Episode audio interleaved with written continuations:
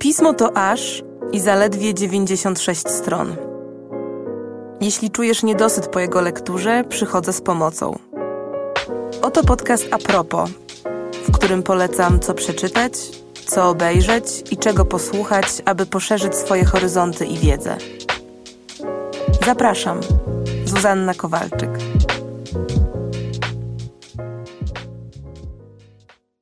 Jak zawsze cieszę się, że słyszymy się w nowym odcinku podcastu A propos.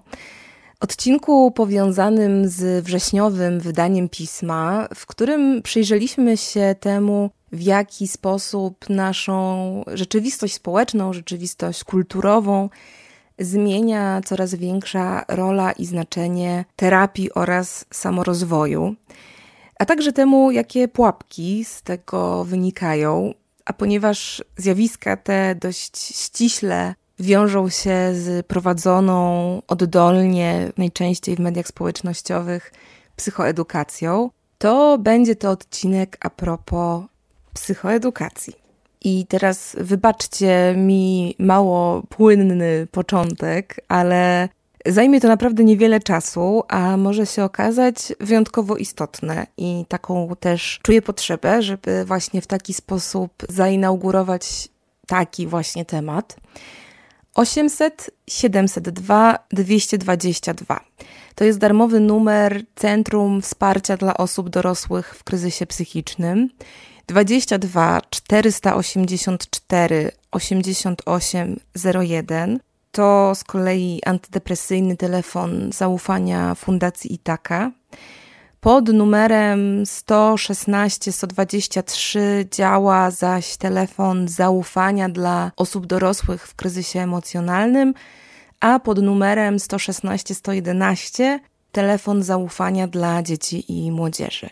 I być może komuś wydaje się, że powtarzanie tych cyfr przy okazji kolejnej rozmowy czy kolejnego podjęcia tematu zdrowia psychicznego jest przesadą, jest czymś zbędnym, czymś nadmiarowym, ale rzeczywistość jest bardziej brutalna niż często chcemy to przyznać. Według danych WHO co 40 sekund ktoś gdzieś popełnia samobójstwo, a co 3 sekundy podejmuje taką próbę.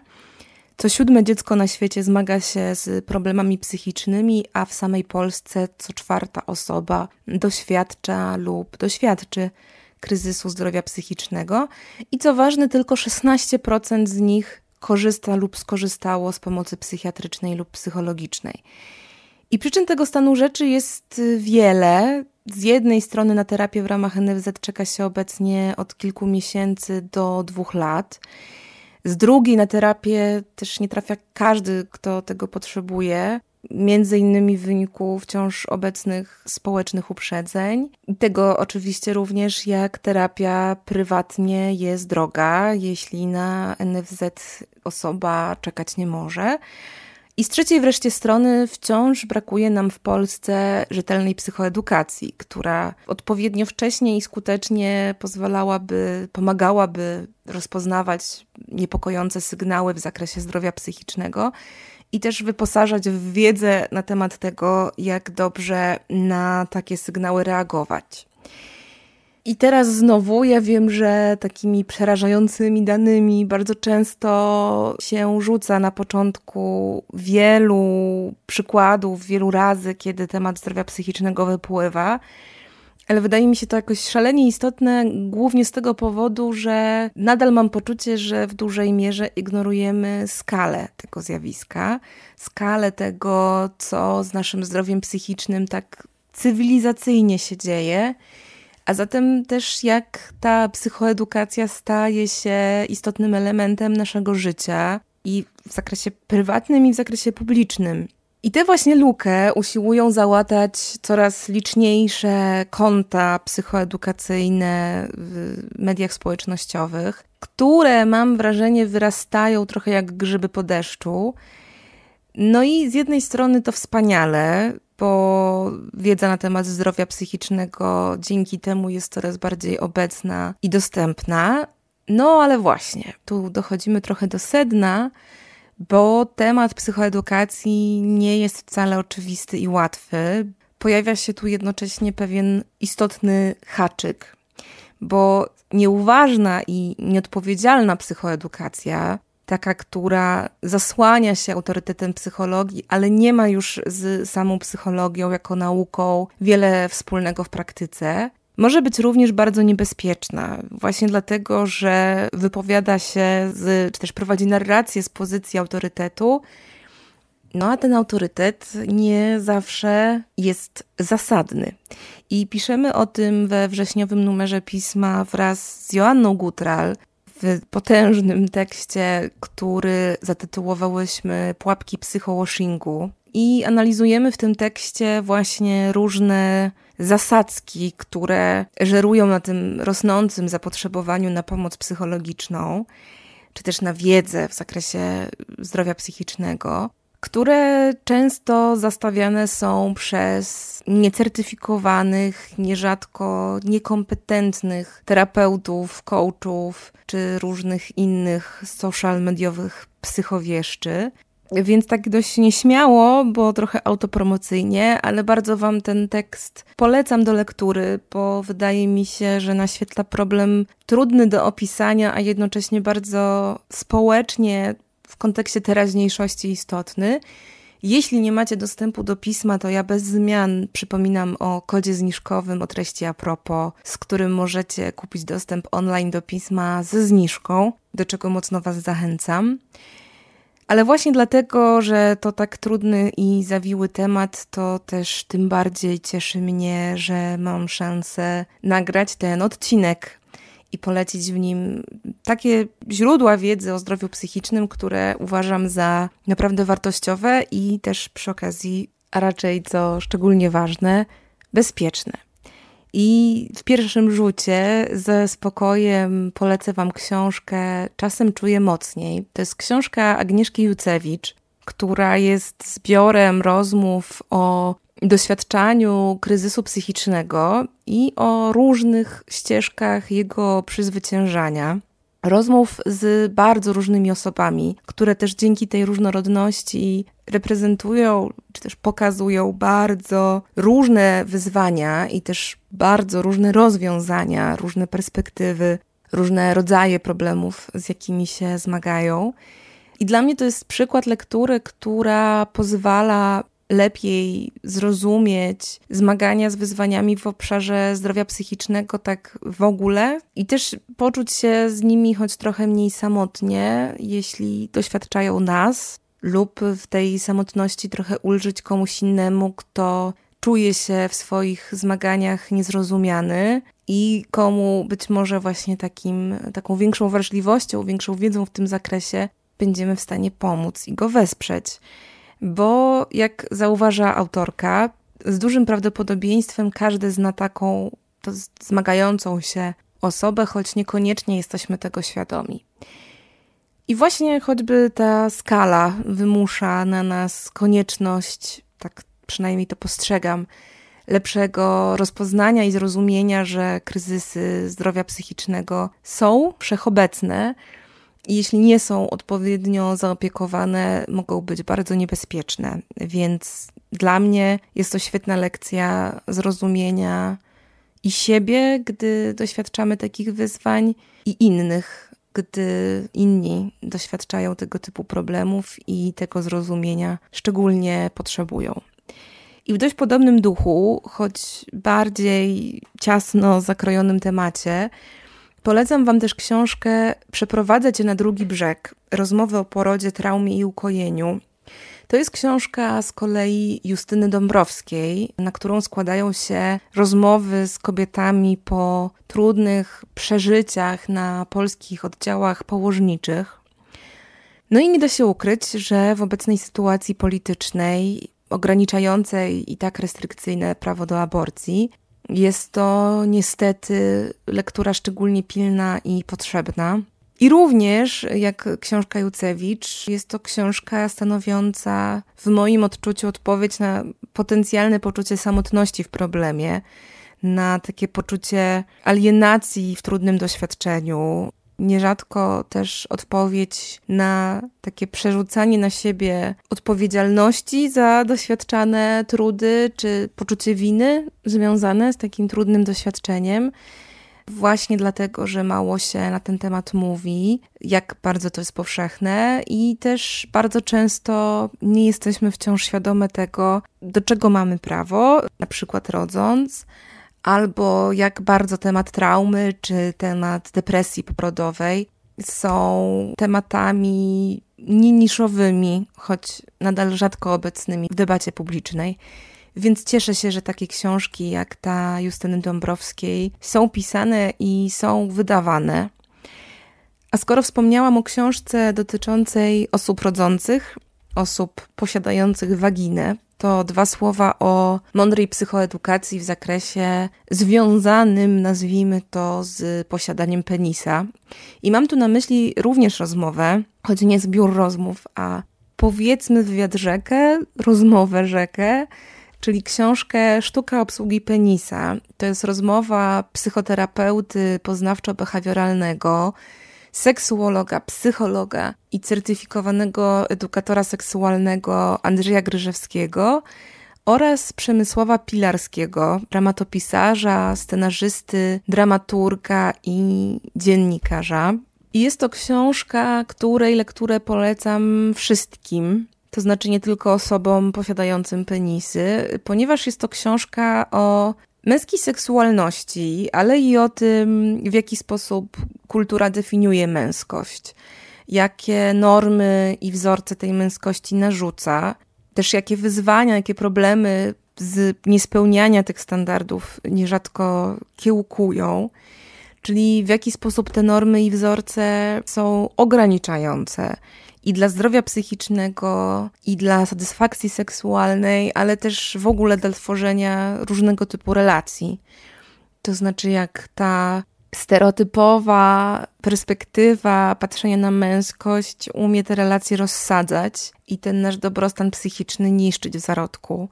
Więc uważam, że jest to książka absolutnie dla wszystkich, Podobnie jak dla wszystkich są i wszystkim polecam mądre podcasty, które mam poczucie, że w zakresie takiej ogólnodostępnej psychoedukacji robią od lat naprawdę ogrom dobra i bardzo porządnej pracy. Mój jedyny problem jest taki, że mam poczucie, że już wymieniłam w tym cyklu podcastów i felietonów co najmniej kilkukrotnie te same tytuły, więc o nich bardzo krótko, bo nigdy dość przypominania. No właśnie, o takich tytułach jak O Zmierzchu, Gutralgada, Strefa Psyche Uniwersytetu SWPS, ale też na przykład Seks Audycja, to jest audycja o zdrowiu seksualnym w Radiu Tok FM.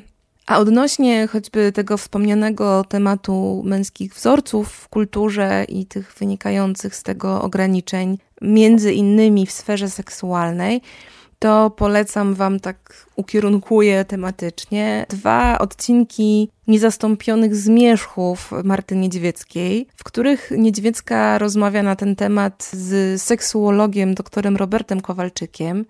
Na marginesie zbieżność nazwisk z moim zupełnie przypadkowa. I odcinek, który Marta Niedźwiecka rozmawia z analitykiem jungowskim Tomaszem Jasińskim.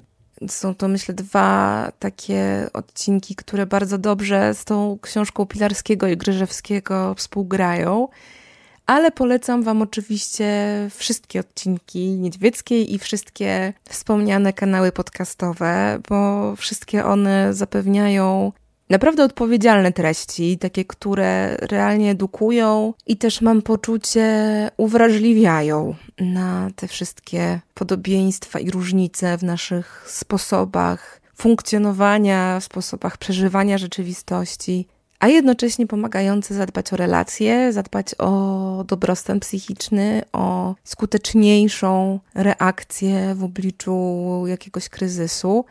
Więc są to dziś w tych czasach, w których kryzysy i choroby psychiczne szerzą się szczególnie obficie, źródła naprawdę na wagę złota. No bo to właśnie mądre treści pozwalają spojrzeć na siebie i też na innych ludzi z większą empatią i, i większą wyrozumiałością.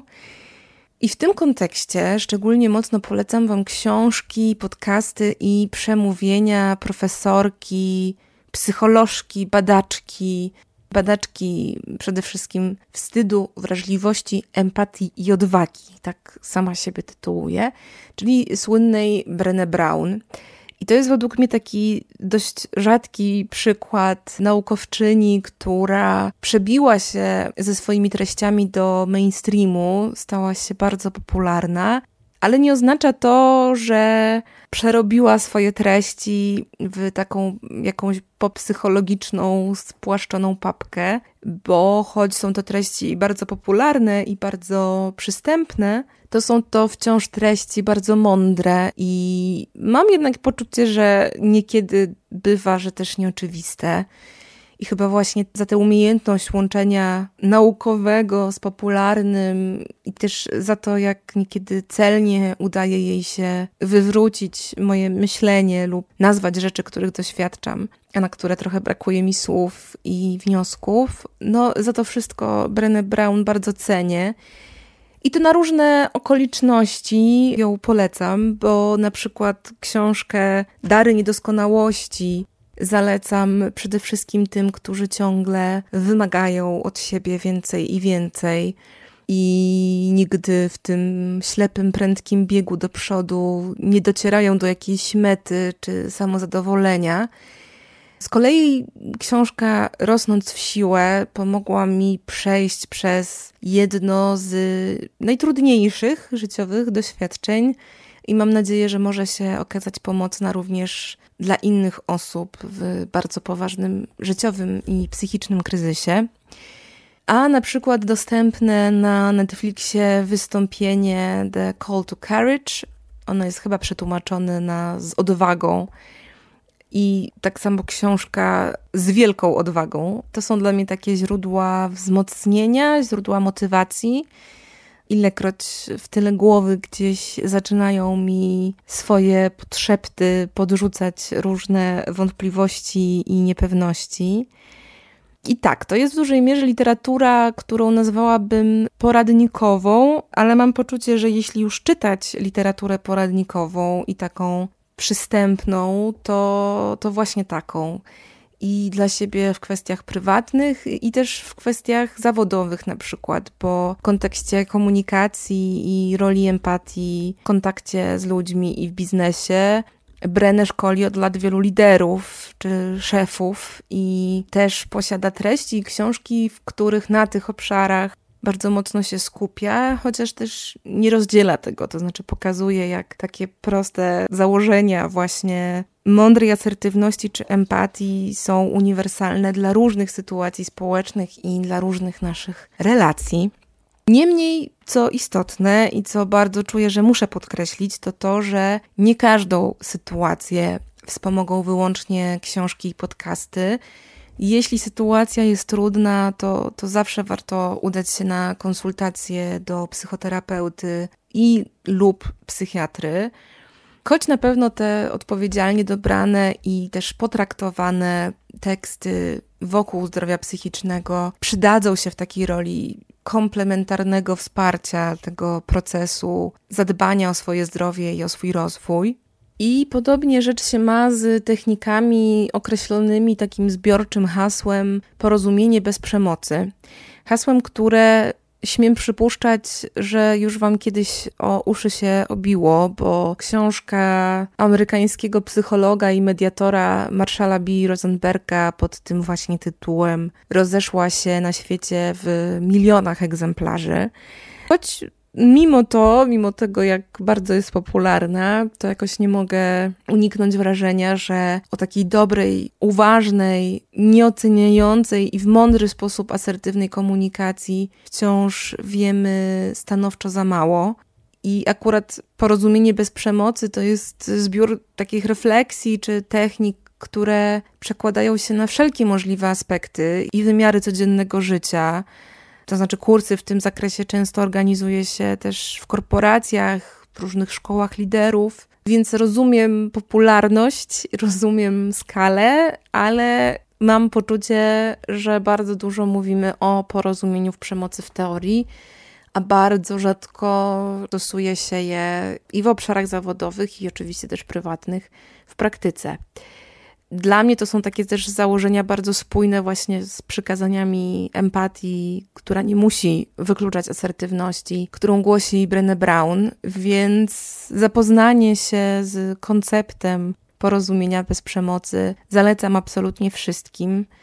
I jakoś tak y, czuję, że gdyby większość z nas się do tych założeń stosowała, to żylibyśmy w dużo bardziej zgodnym, sprzyjającym zdrowiu psychicznemu i też bezpiecznym świecie, w którym też moglibyśmy wielu konfliktów, stresów i nieprzyjemnych sytuacji unikać. I też chociażby z tego powodu ta psychoedukacja, nawet na takich podstawowych poziomach, jest nam bardzo potrzebna. A ten bezpieczny świat zazwyczaj chcemy jednak w pierwszej kolejności zapewniać najmłodszym. Więc podczas gdy rodzicom zalecam między innymi porozumienie bez przemocy, to dzieciom polecam kupić książkę Co robią uczucia. To jest bardzo pięknie wydana, ale co najważniejsze, bardzo mądra książka autorstwa Tiny Oziewicz. Książka, o której, gdy trafiła mi w ręce, miałam taką pierwszą myśl, jak bardzo żałuję, że nie wydawało się takich książek, kiedy sama byłam mała, bo jest to książka, która w bardzo prosty, a jednocześnie czuły sposób pokazuje dzieciom różne emocje, opowiada dzieciom różne emocje, pomaga te emocje rozpoznawać i nazywać. I to się może wydawać trywialne, ale prawda jest taka, że z tymi emocjami, z ich rozpoznawaniem i nazywaniem problemu nie mają tylko dzieci, ale myślę, że problem mają w znakomitej większości dorośli. I może to być zaskakujące, ale właśnie przez to, jak nieobecna jest taka powszechna, chociażby na poziomie szkoły, psychoedukacja, to większość dorosłych ludzi naprawdę o emocjach wie zadziwiająco niewiele i bardzo kiepsko je w sobie rozpoznaje. Taką na przykład jedną z bardziej powszechnych pułapek jest to, że osoby socjalizowane jako kobiety bardzo dobrze znają i wyrażają smutek, ale z kolei kompletnie nie rozpoznają i nie potrafią często wyrażać złości, w związku z czym często złość chowają za smutkiem. No a z kolei osoby socjalizowane i wychowywane jako mężczyźni mają większą łatwość z wyrażaniem złości, bo to jest spójne właśnie z tym, jak stereotypowo w kulturze postrzegamy i traktujemy męskość, ale zupełnie nie potrafią otworzyć się na smutek. I te blokady w obrębie przeżywania różnych uczuć powodują ogromne napięcia. A i to jest zaledwie takim czubkiem góry lodowej, o którą rozbija się masa osób w dorosłym życiu. Osób, które właśnie nie potrafią nawet określić tego, co czują, no a przez to też nie potrafią w zdrowy sposób przeżywać i doświadczać emocji. No bo tak, zdrowie nie polega na doświadczaniu wyłącznie dobrych emocji, ale na przeżywaniu emocji adekwatnych do sytuacji i przeżyć. A więc również emocji trudnych, w jakimś sensie niepożądanych, bo nieprzyjemnych, ale nie mniej ważnych. Więc tego poukładania sobie podstawowych pojęć i w dalszym kroku rozwoju i takiego lepszego zadbania o siebie w tym obszarze bardzo mocno Wam życzę. Mam nadzieję, że te rekomendacje jakoś w tym procesie Wam pomogą. I raz jeszcze przypominam o kodzie zniżkowym na tańszy dostęp online do pisma o treści a propos.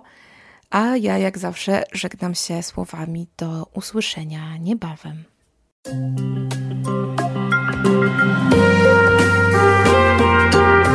Pismo. Magazyn opinii.